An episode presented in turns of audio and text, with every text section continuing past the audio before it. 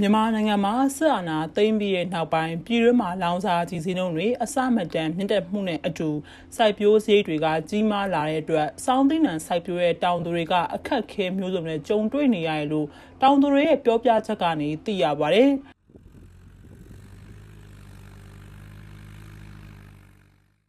စစ်အာဏာသိမ်းပြီးတဲ့နောက်ပိုင်းမှာတိုင်းပြည်ကစီးပွားရေးကျဆင်းမှုတွေနဲ့အတူအလုံးလက်မဲ့နှုံးတွေကလည်းများလာပြီးတောင်သူလယ်သမားတွေကလည်းစိုက်ပျိုးစိတ်တွေမြင့်မားလာမှုတွေကြောင့်ထွန်ရစိုက်ပျိုးနိုင်မှုကိုလည်းအခက်အခဲတွေနဲ့ရှင်ဆိုင်နေရတာဖြစ်ပါတယ်။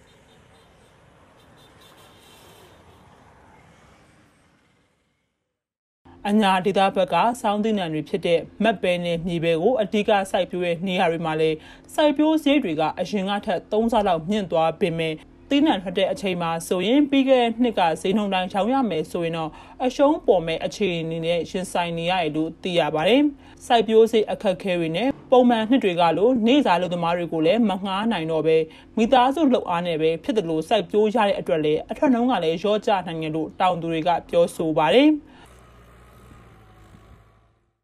တောင်သူတွေအနေနဲ့တော့အခုနှစ်မှာစိုက်ပျိုးစရိတ်ဈေးတွေအစမတန်မြင့်လာတဲ့အတွက် သီးနှံပေါ်တဲ့အချိန်မှာဈေးကောင်းကောင်းနဲ့ရဖို့အတွက်မျှော်လင့်နေကြသလိုနေစာလူသမားတွေကလည်းအရှင်ကလိုအဆင်ပြေဖို့အတွက်မျှော်လင့်နေရလို့လည်းဆိုပါတယ်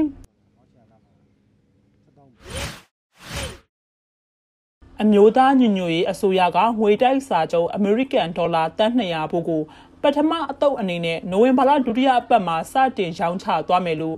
NUG စီမံကိန်းဗန္နာရေးနဲ့နိုင်ငံခြားယင်းနှိမ့်နှံမှုဝန်ကြီးဌာနပြည်ထောင်စုဝန်ကြီးဦးတင်ထွန်းနိုင်ကနိုဝင်ဘာလ၄ရက်နေ့ရဲ့သတင်းစာရှင်းလင်းပွဲမှာပြောဆိုပါတယ်။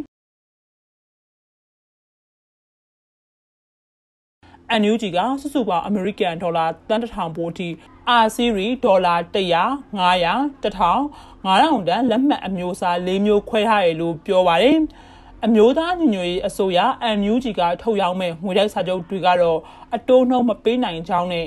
တော်လန်ရေးအောင်မြင်တဲ့အချိန်မှာပြန်လည်ရွေးနှုတ်ခွင့်ပေးသွားမယ်လို့သိရပါတယ်။ငွေတိုက်စာချုပ်အချိန်ကန့်သတ်ချက်ကိုတော့လက်ရှိမှာနှစ်နှစ်သတ်မှတ်ထားတာဖြစ်ပါတယ်။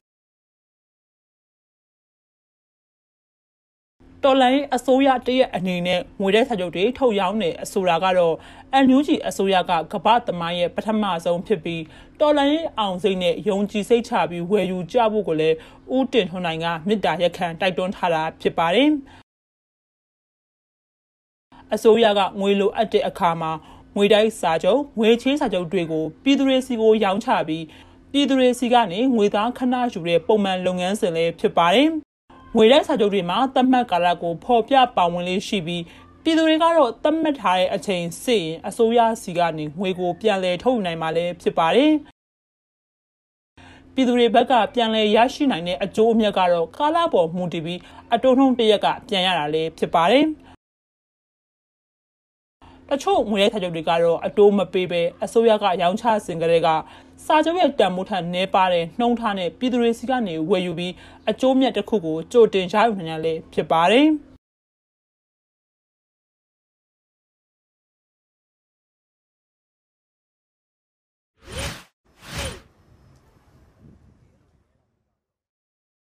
ကုန်းလန်းပို့ဆောင်ရေးညွှန်ကြားမှုဦးစီးဌာနရန်ကုန်တိုင်းဒေသကြီးဦးစီးမှုရုံးရဲ့လက်အောက်ခံရုံးတွေအားလုံးမှာရေမောင်းလိုင်စင်တွေကိုတက်တန်းတိုးတဲ့အချိန်ကို online booking နဲ့နိုဝင်ဘာလ10ရက်နေ့ကနေစတင်ပြီးပြောင်းလဲကျင့်သုံးသွားမယ်လို့စစ်ကောင်စီလက်အောက်ခံကုန်းလန်းပို့ဆောင်ရေးညွှန်ကြားမှုဦးစီးဌာနကထုတ်ပြန်လိုက်ပါတယ်။ကုန်းလန်းပို့ဆောင်ရေးညွှန်ကြားမှုဦးစီးဌာနရန်ကုန်တိုင်းဒေသကြီးဦးစီးမှုရုံးရဲ့လက်အောက်ခံရုံးတွေအားလုံးမှာ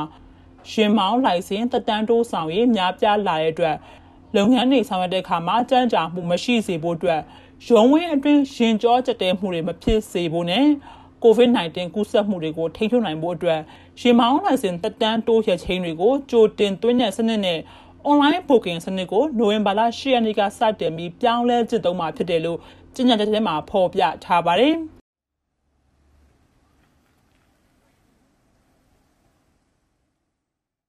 ဒါကြောင့်တက်တန်းတိုးလို့သူတွေအနေနဲ့ကတော့မိမိရဲ့ရှင်မောင်းလိုင်စင်တက်တန်းတိုးလို့ရဲ့ရက်တွေမှာနိုဝင်ဘာလ9ရက်နေ့ကစလို့ online booking ကိုအနည်းဆုံးတစ်ရက်ကနေအများဆုံး30ရက်နေ့ထိကြိုတင်ယူနိုင်တယ်လို့ဆိုပါတယ်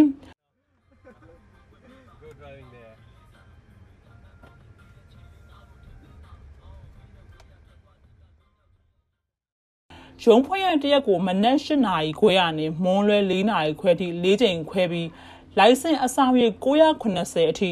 ရန်ကုန်မှာရှိတဲ့အရှိအနောက်မြောက်တောင်စတဲ့ခရိုင်ရုံးတွေလိုက်လက်ခံဆောင်ရွက်ပေးမှာဖြစ်တယ်လို့လည်းထုတ်ပြန်ထားတာဖြစ်ပါတယ်။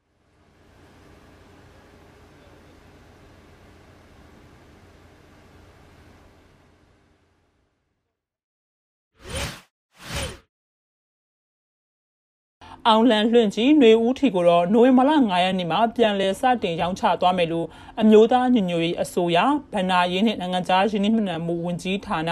ပြည်အောင်စုဝန်ကြီးဦးတင်ထွန်းနိုင်ကနိုဝင်ဘာလ4ရက်နေ့ကပြုလုပ်တဲ့သတင်းစာရှင်းလင်းပွဲမှာပြောဆိုပါတယ်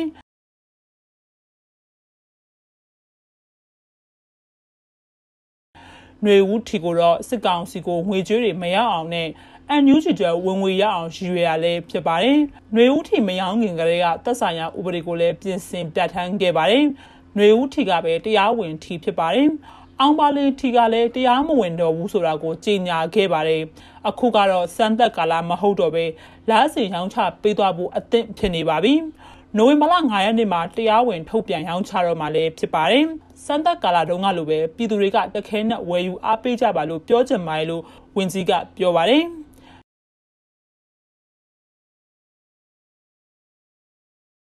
နိုဝင်ဘာလ9ရက်နေ့မှာပြန်လည်ရောင်းချတော့မယ့်ຫນွေဦးထီကိုတော့မနက်10:00နာရီကနေည10:00နာရီထိဖွင့်လှစ်ရောင်းချပေးမှာဖြစ်ပြီးအရင်ကလိုခဏလေးနဲ့ကုံသွားတာမျိုးမဖြစ်ရအောင်ထီလက်မှတ်တွေကိုလည်းမြန်မြန်ဆန်ဆန်ထုတ်ပေးသွားမယ်လို့ကြေညာထားတာဖြစ်ပါတယ်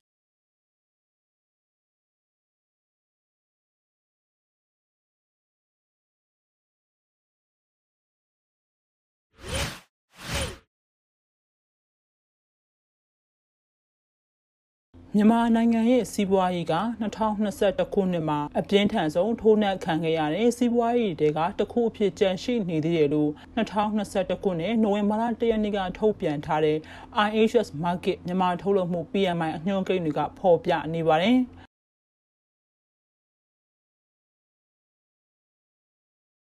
မြန်မာနိုင်ငံရဲ့စီးပွားရေးက2021ခုနှစ်မှာ အာရှတိုက်တွေကအပြင်းထန်ဆုံးထိုးနှက်ခံခဲ့ရတဲ့စီးပွားရေးတွေကတခုဖြစ်ကြန့်ရှိနေပါတယ်။နောက်ဆုံး၃လပတ်ကစပြီးအားကောင်းလာတဲ့ကြာဆင်းမှုတွေကိုညွှန်ပြနေပေမဲ့လည်းကြာဆင်းမှုနှုန်းတွေကတော့နှစ်ဆန်းကစပြီးအားအပြော့ဆုံးဖြစ်နိုင်မဲ့မျှော်လင့်ချက်လက္ခဏာတွေရောတွေ့ရှိရပါတယ်။ ပစ္စည်းပေးသွင်းမှုဆိုင်ရာဖိအားတွေကို2022ခုနှစ်မှာမြင်ရနိုင်ပွဲရှိပေမဲ့လည်းကုမ္ပဏီတွေကနိုင်ငံတကာရှားပါမှုတွေမှာအပြော့သွားပြီးဈေးနှုန်းကလည်းကျဆင်းလာပြီးဝယ်လိုအားပြန်ကောင်းလာမှာကိုမျှော်လင့်နေကြရလို့စီးပွားရေးပညာရှင်ရှီရပီတကပြောဆိုလိုက်ပါတယ်